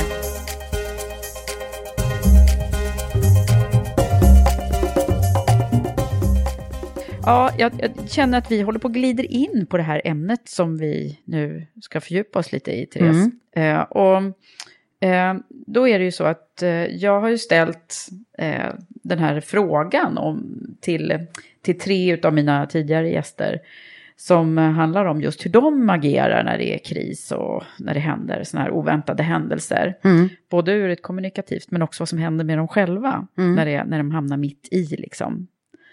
Eh, men innan vi gör det så tänkte jag höra, när, när du beskriver det här då, Mm. vad händer med dig då? Ja, det som händer med mig det är att jag går väldigt, upp, eh, väldigt mycket upp i min roll. Eh, det blir väldigt, eh, man blir väldigt fokuserad på att lösa uppgiften. Och som sagt, jag tror att det är i de här situationerna då jag gör mig som bäst. När jag inte behöver sitta och tänka efter och analysera utan jag får lita på min mage. Eh, och jag litar väldigt mycket på min mage. Jag går på mycket på, på, på magkänsla så att säga. Och det är det man behöver göra när man är i ett sånt här, en sån här situation. Man behöver fatta beslut snabbt och då har man inte alltid tid att ta in alla eh, faktorer liksom, som finns runt omkring. Utan man behöver kunna göra en bedömning just här och nu supersnabbt. Har du aldrig varit rädd? Efteråt. Efteråt har jag varit det. Eh, när jag väl är i situationen och saker och ting händer just här och, då, eh, här och nu, då, då agerar jag precis så som jag är eh, lärd att göra och så som ligger i min natur. Liksom. Att jag bara agerar. Väldigt handlingskraftig blir jag när, när eh, det händer saker av den här karaktären. Sen efteråt, när liksom allting har lagt sig, man är hemma och man börjar varva ner och man börjar förstå vad det är som har hänt, då kommer känslorna ikapp. Och då kan jag bli ledsen eh, och rädd. Och eh, liksom tänka, men gud vad... Det här hade ju kunnat hända och tänk om det här hade blivit och ja. Och så liksom. Vad, är det, vad är det värsta du har varit med om? Det värsta jag har varit med om personligen. Det var nog när jag, eh, jag och min man hamnade ju mitt i det här terrordådet i Stockholm 7 april eh, tidigare i år. Eh, och det, Var du där alltså? jag var där. Eh, och det, det efteråt bar jag med mig länge. Och gör kanske fortfarande också i viss, i viss del faktiskt. Det, Vad hände då för, för din del? Jag, min man jobbar eh, på Gamla Brogatan som är då en tvärgata till Drottninggatan. Och jag åkte in till hans jobb för att jag hade glömt mina nycklar. Eh, jag hade varit på Gotland en vecka, hade precis eh, kommit tillbaka och landat på Bromma flygplats. Och insåg att jag har inga nycklar. Så att jag fick åka in till honom då och hämta hans nycklar. Och när vi står i dörröppningen där och säger hej då. Så svischar den här lastbilen förbi Ah, du uppe såg i, den i alltså? periferin liksom. Ah. Och tänkte, men vad var det? Och folk skrek och kom springandes. Ja. Jag tänkte, men vad var det som hände? Och så kommer det förbi en kille med, med liksom, ja, rätt cool så liksom. Och sa att det här verkar vara en lastbil som har kört in i massa folk. Jag skulle inte gå upp dit om jag var du. Så. Mm. Men gud, tänkte jag. Det är först jag tänker att jag måste springa upp och se om, mm. om jag kan hjälpa till på något sätt. Då. Eh, då när jag kommer upp så smäller eh, lastbilen rätt in i Åhléns. Eh, då, Så att jag hör smällen och jag ser eh, damm. I övrigt är det ganska tomt på Drottninggatan. Jag ser att det ligger två döda mm. eh, och en död hund. Och sen så är det då folk som sitter längs med väggarna och är rädda och mm. springer liksom runt i cirklar. En, en, person sprang bara runt i en cirkel. Jag antar att det var liksom panik och rädsla och, och sådär liksom. Så att eh, direkt jag försöker skapa mig en överblick och se vad är det som har hänt. Jag försöker ta in alla de här liksom, eh, ja vad ska man säga, intrycken då från hela mm. platsen. Jag tussar ihop folk med varandra så att folk inte behöver sitta ensamma. Du var liksom, gick på Drottninggatan där då efter? Ja, precis, exakt. För den här personen som sprang runt i cirklar tog jag och tussade ihop med en annan individ som satt ner eh, på gatan och var väldigt rädd. För jag tänker att då kan de fokusera på varandra liksom. Mm. Och sen så sprang jag upp för att se om jag kunde hjälpa till då eftersom jag kan eh, hjärt och lungräddning och lite sådana där som jag har fått lära mig då. Mm. Akut sjukvård som jag har fått lära mig i, i försvaret. Så jag tänkte jag springer upp och tittar men, men eh, de personer som fortfarande levde, de fick stöd redan. Och sen kom det ju upp en massa folk då som eh, ville fota. Det här har jag haft jättesvårt att smälta ah, i efterhand. Att ah. det kommer, kommer folk som springer upp för att fota de som är döda och, och så. Och det gjorde mig skitförbannad. Ah. Så då skrek jag liksom, lägg ner telefonen, försvinn härifrån, gå bort, gå bort, gå bort. Mm. Och sen så, när jag fått en överblick, är det är inte klokt hur människor kan, kan agera faktiskt. Eh, och då ringde jag också till jobbet eh, och rapporterade att eh, jag står här på Drottninggatan, det här har hänt, jag har haft en lastbil, jag ser två döda, det är flera skadade. Eh, ni får, får sätta igång liksom. Mm det som behövs. Vi har ju då enligt eh, olika paragrafer en skyldighet att stödja samhället vid olika typer av kriser. Inte så att vi kliver in och tar egna initiativ, men om vi står redo och är beredda redan från början, då är ju startsträckan mycket kortare. Så då ska ni hjälpa polisen om det behövs? Liksom, om det behövs, ja precis, och de begär det. Mm. Nu gjorde de inte det, utan de hade, de hade bra koll och det mm. vet vi också i efterhand att polisen gjorde ju ett jättejobb alltså mm. med, med det här som, som hände. Och när jag står där så kommer ju polisen då och liksom eh, ber ju folk skingra sig och, och vi får ju låsa in oss då i eh, min mans butik där vi då är fast. Och jag fortsätter ju rapportera då in till jobbet, berätta vad jag ser ifrån mitt fönster då, och vad som händer runt mm. omkring oss. Och de utökade avspärrningsområdet, då kunde jag ringa in till jobbet och berätta det. Nu har de utökat avspärrningsområdet och då när man jobbar med det som vi gör så kan man ju snabbt räkna ut att det beror ju på någonting. Mm. Dessutom hade vi poliserna utanför som plötsligt satte på sig gasmasker. Mm. Jaha, vad innebär det liksom? Ja, så får man ju då få ihop få, ett och ja, ett blir två liksom. Ja. Men sen var det ju då, vi hade ju barn Men på var dagis. Du helt, och... Ja, du var helt cool eh, ja. själv ja. hela tiden. Mm. Och i det här, det här är så spännande, för i det här så, så liksom har vi någon takarbetare, de höll ju på att renovera olika tak då på, på Drottninggatan. Så det är någon, någon arbetare som står uppe på ett tak där som börjar skicka ner en massa tegelpannor i en container. Och det smäller ju rätt bra. Och då började ju folk skrika skottlossning, skottlossning. Liksom. Jag tänkte, men gud, vi måste låsa in oss nu i butiken. Liksom, för att, ja, är det så här nu att nu har man kraschat bilen och nu har man hoppat ut och, och börjat skjuta vilt omkring sig. Ja, nej, men då måste vi ju ta skydd. Liksom.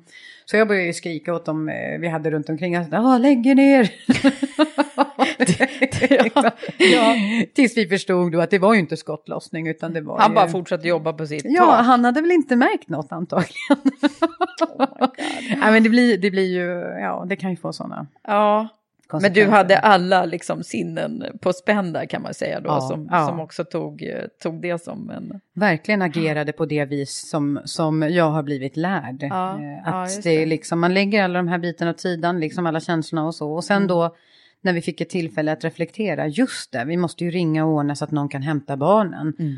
Och då stod jag ju där liksom och skrek till min man, du får ringa och fixa, någon kan hämta barnen på dagis. Vi hade ju hund på hunddagis som skulle hämtas. Men det är ju massa sådana där ja, grejer. Ja, praktiska grejer som ja. bara var tvungna att fixas. Ja. Mm. Men du, det här är ju väldigt spännande att du också nämner det här. För det är ju så att när jag nu har ställt den här frågan till, till mina tidigare gäster här så har ju faktiskt just den här händelsen kommit upp i flera av deras eh, diskussioner och tankar kring Mm, mm. kris och kommunikation. För där blev vi verkligen tränade på något sätt på, på skarpt läge, eh, tror jag, som vi som befann oss i närheten. Ja. Och bland annat så tänkte jag Antonia eh, Björk eh, Brandberg, Brandberg Björk från eh, Bambora som var min tidigare gäst här. Hon, Mm. Vi kan lyssna på en litet klipp ifrån henne. Ja, vi har ju en krisplan, men sen inser man ju att den där krisplanen, den går ju aldrig att applicera till 100 procent. Nej, Ehm, men vem har räknat med att man ska bli inlåst Nej, det här var ju så otroligt långt ifrån vad man hade Mm. kunnat räkna med. Samtidigt så har vi ju ändå diskuterat att nu sitter vi nära centralstationen, vad innebär det, vad behöver vi tänka på sådana saker i den värld vi lever i. Mm. Men eh, det vi gjorde som jag tror var väldigt, väldigt bra var att vi kommunicerade hela tiden. Eh, så vi har dels liksom interna chattar eh, på kontoret där vi hela tiden delade med oss av den informationen som vi hade. Eh, Mm. Och sen hade vi uppsamlingshit liksom i köket om det var var 30 minut eller vad det var. Mm. Eh, så samlades alla liksom i den gemensamma platsen och så. Och då kunde det vara att berätta att vi vet ingenting mer just nu. Vi har pratat med polisen en gång till, de säger att vi ska vara kvar. Mm. Det är det enda vi kan säga. Men just att hålla det här liksom informationsflödet. Mm. kontinuerligt hela tiden. Och det är okej att säga att man inte vet något mer. Mm. Men då har man i alla fall liksom gett någon typ av information. Ehm, Det låter ju som det vart ganska exemplariskt där. Ja, det var... Hur, hur, hur hanterade du det här då? Som ledare? Men jag, vi, vi diskuterade det här efteråt också, för alla gick vi in i olika roller. Jag reflekterade själv över att jag gick nästan in i, men jag, jag fick nästan nästan tunnelseende. Ja, nu ska vi ta fram listor, vi måste bocka av all personal, vi ska ringa runt till alla. Så vi hade ju inom en timme eller någonting ringt upp alla medarbetare på Stockholm, konsulter, temps, you name it. Mm. Och liksom visste att alla var okej. Ehm, och verkligen liksom, ja men du vet, ja, vi satte upp ett krisrum där ledningsgruppen var och så ett samtalsrum där mitt team satt och ringde runt och väldigt sådär, eh, medan andra var kanske oroliga och rädda för eh, ja, men nära och kära. Mm. Eh, man kanske blev, eh, ja men folk reagerar så otroligt olika. Ja. Och jag reflekterar nästan över att jag Att du att blev jag, så? Ja, att det blev lite liksom en gud. Jag Det tänkte en inte på min egen familj. Ja, men verkligen. Och det kanske var bra där och då. För att jag kände ju ett ansvar att jag var tvungen att ta hand om och liksom, ehm, jag hade ju ändå en, en roll i det här. Mm. Men samtidigt så var det ju andra seniora medarbetare som kanske inte mådde så bra. Och det har vi också pratat mycket om efteråt, att bara för att man har en viss position i företaget, en ledande befattning, betyder ju inte att man att man kan få den här Nej. actionkänslan liksom och, och bli väldigt handlingskraftig. Det Nej. kan ju låsa sig för vem Ja, som ja, helst. visst. Om man, Eh, om man det skulle vara man orolig för Ja. något, någon anhörig. Man kanske inte får tag på någon eller. Ja. precis. Och det måste man ju vara så otroligt lyhörd för i de här situationerna. Så det kanske inte alltid är den självklara ledaren som ska leda i en sån situation. Nej. Det kanske är så att det är någon annan som ska kliva upp, Mm. som känner sig stark just där och då. Mm. Ja, vad säger du? Det här med att samla teamet och informera eh, löpande var 30 minut. Det Ja. verkar vara, det hade hon också lärt sig väldigt Ja. bra där. Så, så gör ju vi också i eh, Försvarsmakten. Det gäller ju att, att samla alla. Vi har ju på kommunikationsavdelningen så har vi en gammal klassisk båtklocka som man ringer i. Ding, ding, ding, ding, ding. Mm. En sån. Eh, och när den ljuder, eh, då vet alla på avdelningen att nu har det hänt något. Då samlas vi allihopa i mediecentret då, som är navet för, för vår verksamhet, den operativa verksamheten. Eh, och där samlas vi och sen eh, får vi liksom dra igång vem ska göra vad i vilket eh, ögonblick och vem hanterar det här. Vi måste öppna upp telefoner för att nu vet vi att det kommer börja ringa och, och sådär. Och sen har vi då springare som eh, liksom får vara eh, våra sambandsofficerare kan man väl säga. Så vi kommer att ha då personer ute på olika staber så att man liksom har snabbt eh, Aha, möjlighet så- att kunna hämta hem information. och Åt då gör vi ofta... då, ja, precis, både- åt båda håll. Mm. Precis, precis. Ehm, och då, då gör vi så att då jobbar vi också med att uppdatera ungefär var 30 minut. Ja, oavsett om man har någonting att berätta eller inte som Ja, Antonia sa. exakt, precis. Det är jätteviktigt. Sen så, så pratar hon också om handlingskraftighet, att hon blir väldigt fokuserad och Mm. uppgiftsorienterad. Är det vanligt det här? Ja, jag tror det. Jag, I alla fall när man jobbar med det som vi gör. Eh, när man jobbar med eh, kommunikation och, och så, så Mm. är det... Hon var ju då HR eller? Ja, precis, exakt. Eh, Jag tror att det är, det är en egenskap man, man behöver ha. Mm. Att man behöver kunna hålla isär de här liksom, privata känslorna som rädslor och, Mm. ja, och så, att man nervositet eller något sånt. Att man behöver liksom lägga dem åt sidan och fokusera nu på uppgiften så att man, man gör det som man Mm. förväntas kunna göra och lösa det på bästa sätt. Mm. Men om man som ledare då eh, också själv drabbas på olika sätt, eh, om man, menar man, även om man är en stark ledare i vanliga fall kan man ju bli, kan man ju bli svag kanske i vissa ögon, eller nervös, stressad, påverkad. Absolut, det tror jag. Nu tror jag i och för sig att vi i Försvarsmakten kanske har eh, en, en krisberedskap bättre än många andra. Ja. Och jag tror att våra chefer, de allra flesta av dem, har hanterat någon form av kris Mm. eh, någon gång. Vi, vi har, det händer ju ganska ofta tyvärr eh, att, att vi hanterar olika situationer. Det kan ju vara allt ifrån att en person dör till att ja, vi har under underrättelseoperationer i, i Stockholms skärgård. Och Ja. Vi hade ju en kollega som blev kidnappad i Ja, Ukraina. då var du tillfälle. också med i det. Ja. Ja. Och då, då, så jag tror att, jag tror att vi, eh, vi är vana vid att hantera uppkomna situationer och har en, en god beredskap ja, faktiskt. just det. Vad hände med den där kidnappade? Han, han släpptes. Han släpptes. Ja, han var kidnappad flera, flera dygn. Han var ju väldigt omtumlad när han kom hem. Mm. Kan man säga. Eh, Det blev en diskussion efter det minns jag. För han, eh, under presskonferensen så kom det tårar. Att det liksom, chocken släppte ju liksom. Han fick berätta om det som hade hänt och, och så. Att han hade varit tillfångatagen då av rebellgruppen. Och, och um, han trodde inte att han skulle komma hem och sådär liksom. Och så grät han. Och då blev det en diskussion efteråt. eh, huruvida en officer kunde få gråta i tv eller inte. Va? Det kunde de väl få kan Ja, man tycka. klart. Ja. Alla är människor liksom. Alla är människor, precis. Och kanske liksom eh, allra helst om man har varit kidnappad och Ja. får komma hem igen. Att det är liksom viktigt att visa att vi, vi, vi, vi går omkring och har känslor och är inga maskiner. Nej, verkligen inte. Mm. Ja, men du, vi ska lyssna också på um, Anna Wikland eh, som är Sverigechef på Google. Hon hittade också, när jag ställde upp en fråga om det här, så hittade hon också hur hon hade agerat och, och vad hon tyckte var viktigt just vid den här händelsen vid terrordådet som var i Stockholm alldeles nyligen. Det jag tycker är viktigt när olika saker händer det är att samla, eh, till att börja med samla min ledningsgrupp. Eh, och eh, prata igenom det som har hänt och tillsammans komma fram till eh, vilka typer av actions vi behöver ta. Och sen vara väldigt öppen och transparent mot organisationen. Så öppen och transparent det går att vara beroende på vilken situation det är. Ehm, Vad händer med dig som ledare då? När det är sådana här liksom, prekära situationer? Jag blir väldigt fokuserad. Jättefokuserad. Eh, och, eh, och tydlig. Men jag tror också att man känner eh, just att jag verkligen månar och bryr mig, bryr mig om mina medarbetare runt omkring. Eh, också. Så, så jag tror man känner liksom en, en värme också så.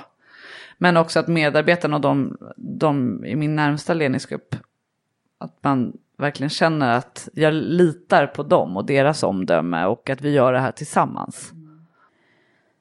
Ja, och vad säger du? Anna pratar mycket här om att vi gör det tillsammans och så. Visst är det så, absolut. Så, så är det. Man, man, eh, man kan inte vara en egen individ och gå och ta egna initiativ på något sätt. Utan det är viktigt att man är samspelta och att Att man sluter upp kring varandra. verkligen, att alla på ett eller annat sätt är delaktiga. Det. Verkligen. Mm. Du, sen så har vi också Katarina Rommel som eh, var min gäst nyligen här. eh, Och eh, hon hade ju väldigt intressanta tankar kring vad är en kris egentligen också. Hon hade ju funderingar kring också vad man, alltså det här är ju väldigt prekära situationer som vi har pratat om nu. Mm. Men när, man, eh, när det kanske är lite mer sån här som bubblar under ytan och hur man själv ser på den. Och hon menade på att om man, om man, är, om man har en kris och tycker att den är en kris så kan den bli liksom förstärkt. Mm. Ja, Det ja. var lite det- filosofiskt tänkt det där. Men Ja, först- men precis. Nej, men så kan det nog absolut vara. Eh, och det, är ju, det där är ju en balansgång. Alltså så, så är det ju verkligen. För samtidigt så kan det bli eh, galet om man tänker att nej men det här är ingen kris. Och så Ja. liksom rullar det på utan att man är, är med och är, är liksom beredd att hantera det som, Mm. som Men en ni kris. kanske då, tänker jag, i det militära, ni är tränade att se, liksom, och kanske Ja. direkt eh, Ja. ha, ha de, precis som du beskrev, sinnena skärpta där på en gång. Precis, ja nej men, nej men det tror jag är viktigt. Och också att man, man förstår allvaret eh, tidigt. Det beror ju på, allting behöver inte vara en kris bara för att det liksom blir eh, mycket uppmärksamhet medialt så tänker jag. Utan Mm. det handlar ju lite grann om, om det är eh, människoliv som, som eh, är utsatt för fara. Mm. Eh, om det är så att trovärdigheten för, för varumärket, alltså myndigheten då är mm, liksom stå på spel. Eller, alltså det, är Ja. liksom, det är mer sådana värden liksom, som behöver stå på spel för att eh, vi ska definiera det som en kris då i Försvarsmakten. Ja.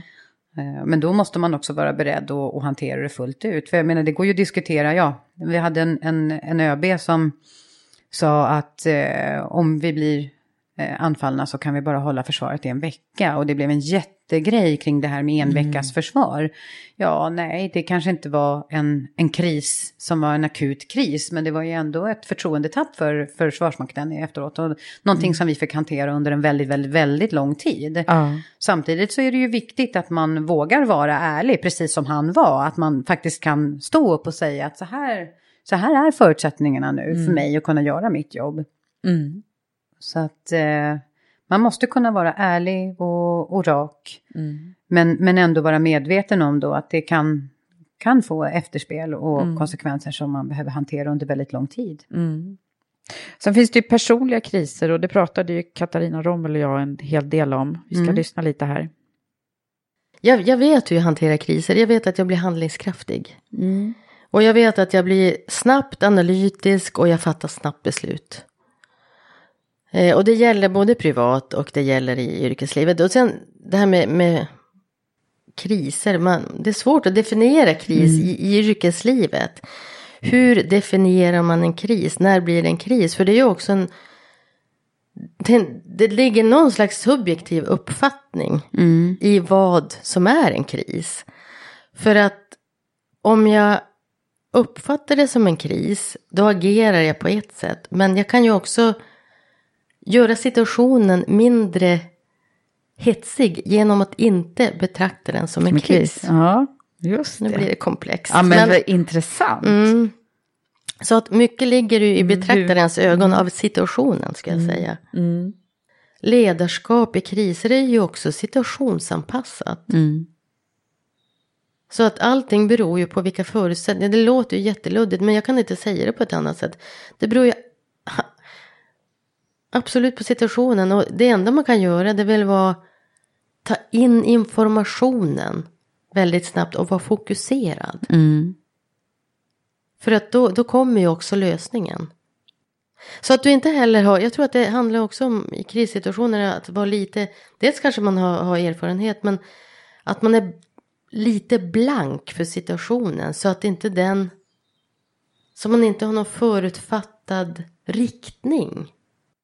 Men vad tänker du på för egna kriser? Ja, men jag har ju haft, jag säger att jag har haft två stora kriser privat. Den första krisen, det var ju egentligen när min son som har ADHD började självmedicinera med marijuana. Och detta ledde sedermera in till tyngre droger. Och det var ju liksom en lång utsträckt, en fyraårig kris. Där man i alla fall under de sista två åren egentligen nästan varje dag funderade på om, om man ska överleva. Och det är ju en, för, för en förälder är det ju en katastrofkris Ja. varje dag. Så, man här, så här i efterhand funderar man mycket på hur fanken överlevde jag det där. Men det finns väl någon jädra styrka i en som man kan ta fram när man behöver den. Ja, och det är den här Och det är den här handlingskraft. För vad jag gjorde då, det var ju liksom att kontakta Maria Pool. Jag, jag, jag, var, jag var stark som en, jag vet inte, var urmoder. Och det handlade om att strida med honom. Det handlade om att aldrig, aldrig ge upp. Att alltid finnas där, att alltid hämta, att alltid kunna vara pratbar, att alltid plocka hem och ge kärlek. Att också stänga in och liksom slåss för det som var rätt för honom. Mm. Det jag visste var rätt. Ja, hon beskrev ju verkligen det här med att hon fick någon form av urkraft och, eh, och man undrar lite var kommer det där ifrån? Men Mm. jag kan själv också relatera till de, de personliga kriser jag har haft, att det Mm. kan födas väldigt mycket styrka som helt plötsligt bara kommer någonstans Ja, det ifrån. är så häftigt. Det är... Det finns, det finns så mycket i en eh, på något sätt. Mm. Och när man väl upplever en, en personlig kris, tror jag, liksom, när det blir Mm. liksom sådär. Man har ju Mm. hört talas om mammor som Mm. kan lyfta bilar Mm. liksom, för att eh, rädda sina barn Ja. som har fastnat under och sådär. Så att, ja, nej, ja, ja, ja, verkligen. Det jag den jag kan faktiskt nästan förstå riktigt. det där. Jag har själv räddat min dotter en gång. Det var inte alls någon stor kris, men hon, hon eh, ramlade från båten eh, och, och liksom ramlade mellan båten och en brygg och var ganska liten. Hon hade Ja. liksom varit hopp i landkalla och så regnade det ute. Och helt plötsligt, jag stod liksom långt därifrån vid ankaret, liksom. helt plötsligt så bara var jag där och bara drog upp henne som en, vet, som en katt Ja. sådär i nackskinnet. Och medan min man bara, liksom, vad hände? Så jag undrar om inte vi kvinnor kan ha lite Ja, sådana här, absolut. framförallt när det just handlar om, om barn. Ja, man- exakt. Precis, jag tror det. Det finns, det finns så mycket krafter i en, en eh, kvinna. Det Ja. gör verkligen det. Ja, det gör det. Ja, nu fick vi till det Ja, där också. exakt, Det tycker, jag, det tycker jag var bra. Ja, Nej, men vad har vi mer för någonting att förtälja kring det här ämnet? Är det någonting som du känner att det här har du eh, lärt dig under dina år i, i, som du har jobbat med det här som du kan förmedla? Det jag har lärt mig är att när man befinner sig i en, en situation, oavsett om det är en kris eller inte, om det är en situation som kräver eh, snabba beslut, så måste man våga lita på sin magkänsla och inte stå och övertänka och överanalysera. Eh, för det kan lätt bli så att man drar ett varv för mycket och så vågar man inte riktigt. Utan man måste faktiskt lita på, på den första känslan. Ja. Eh, det, det har varit Och det här med att man, man kan liksom inte veta heller. Eh, jag menar det här med krisplanering och, och det finns krisplaner på de flesta bolag. Och, Mm. och jag förmodar att ni också har det. Men de krisplanerna, de, de håller ju bara till en viss del. Därför att en, en, alla kriser är olika och de har olika typer av förlopp. Så att det går liksom inte att säga att så här ska man göra i en kris. Utan eh, det, det måste, därför måste man våga låta sig själv känna efter. Liksom, och våga lita på magkänslan. Jaha, så här är det just nu. Och, Mm. Jag menar som när vi hade den här underrättelseoperationen i Stockholms skärgård eh, 2014 så var det ju eh, första gången som vi upplevde att nyhetsdygnet kanske hade 24 timmar. Innan hade vi kunnat säga att nej men du får återkomma eh, imorgon så, så berättar vi mer när klockan börjar närma sig midnatt. Liksom. Men det funkade inte den här gången utan alla stora medier de sände ju live dygnet runt. Och om vi inte svarade upp, ja då hittade de ju egna experter som var beredda att uttala sig om hur en ubåtsjakt gick till eller Ja. vad händer nu? Och det var någon reporter som, som lyckades hyra en helikopter och stod och hovrade liksom ovanför våra fartyg då när vi var ute liksom Oj. under den här skarpa operationen. Så det är liksom i hela tiden i det här samhället som vi lever i idag, det händer så mycket på så kort tid och det utvecklas i en rasande fart. Så att det som funkade i en kris för tre månader sedan eller för ett år sedan eller tio år sedan i värsta fall. Det gäller inte idag utan man måste vara beredd att ompröva och utvärdera hela tiden och känna efter. Mm. Vart är vi på väg nu? Vart är det här? Åt vilket håll rullar det liksom? Ja.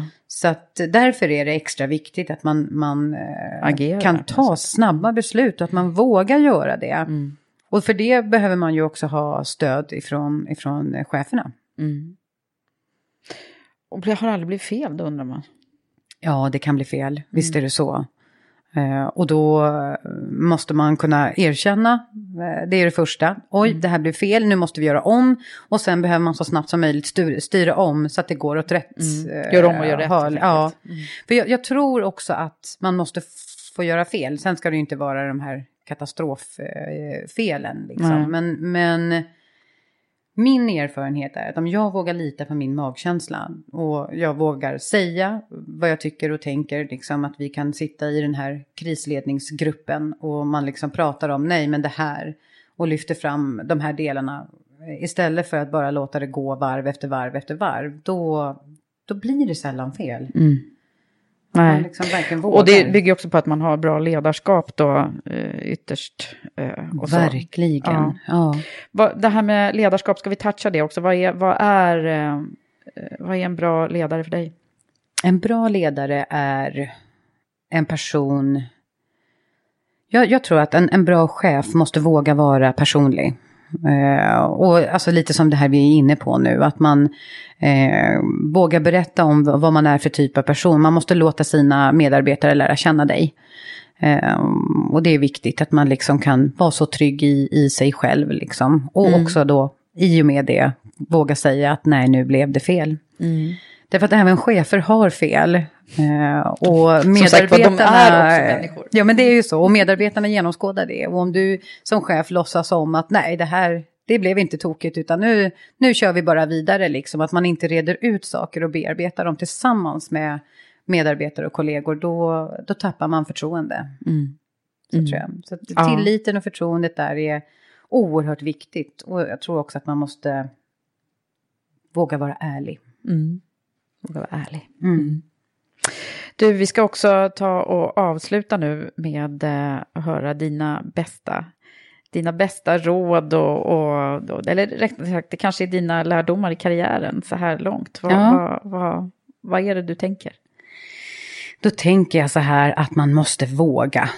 Eh, det har hela tiden varit eh, drivet för mig att våga ta mig framåt, att inte tvivla på mig själv. Och, och det innebär också att man går på en nit ibland och att man eh, gör felbedömningar och misstag. Men de är minst lika viktiga mm. i liksom, den här vägen framåt som alla dina lyck lyckliga slut, eller på att ja. säga. Men ja, ja, alla lyckanden, misslyckanden och lyckanden. Mm. Uh, och sen så, så uh, att vara ärlig mot dig själv och mot andra. Det tror jag jätte, jätte, jättemycket på. Mm. Faktiskt. Och sen så, så uh, tror jag många som säger att man, man måste också våga ta för sig. Just det, så där som du gjorde när du gick hit till UPS-vdn och sa. ja, precis. Jag vill göra något ja. annat här. Det är inte alltid det lyckas ska jag säga. Jag gjorde samma sak när jag jobbade över posten. Eh, och sa att nej men nu vill jag ha lite mer ansvar. Och han tittade på mig där chefen. Och ja, nej men Ja, vi ska väl kunna ordna något då, sa han. Och så slutade det med att jag blev ansvarig för städningen.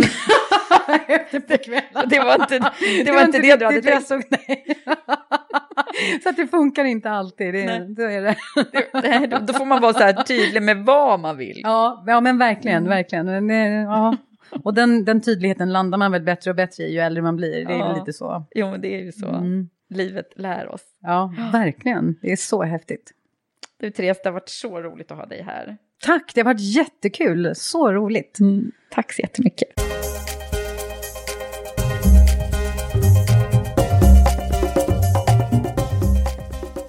Visst är hon en cool person, Therese? Så tydlig, rak och öppen. Och jag gillar verkligen hennes sätt att kommunicera. Och det passar ju bra om man ska jobba med det som hon gör. Jag tycker också att det är så tydligt att ju mer jag lyssnar på de här fantastiska kvinnorna, desto tydligare blir det att man ska vara bra på det här med att uttala det man vill göra. Då är det ju faktiskt större sannolikhet att det blir en verklighet.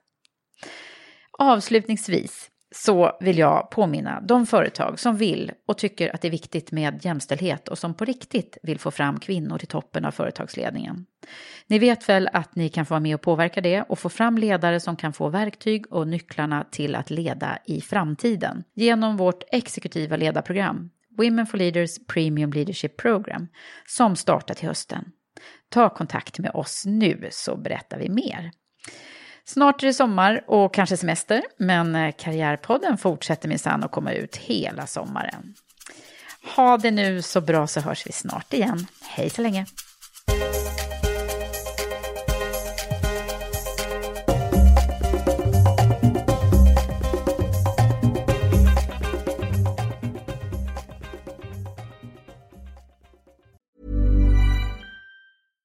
Deserves the best, and there's no better place to shop for Mother's Day than Whole Foods Market. They're your destination for unbeatable savings, from premium gifts to show-stopping flowers and irresistible desserts. Start by saving 33% with Prime on all body care and candles. Then get a 15-stem bunch of tulips for just $9.99 each with Prime. Round out Mom's menu with festive rosé, irresistible berry chantilly cake, and more special treats. Come celebrate Mother's Day at Whole Foods Market. Hi, I'm Daniel, founder of Pretty Litter. Did you know cats tend to hide symptoms of sickness and pain? I learned this the hard way after losing my cat, Gingy. So I created Pretty Litter, a health monitoring litter that helps detect early signs of illness by changing colors, saving you money and potentially your cat's life. Pretty Litter is veterinarian developed, and it's the easiest way to keep tabs on your fur baby's health right at home. Go to prettylitter.com and use code ACAST for 20% off your first order and a free cat toy. Terms and conditions apply. See site for details. Mom deserves the best, and there's no better place to shop for Mother's Day than Whole Foods Market. They're your destination for unbeatable savings, from premium gifts to show-stopping flowers and irresistible desserts. Start by saving 33% with Prime on all body care and candles. Then get a 15-stem bunch of tulips for just $9.99 each with Prime. Round out Mom's menu with festive rosé, irresistible berry chantilly cake, and more special treats. Come celebrate Mother's Day at Whole Foods Market.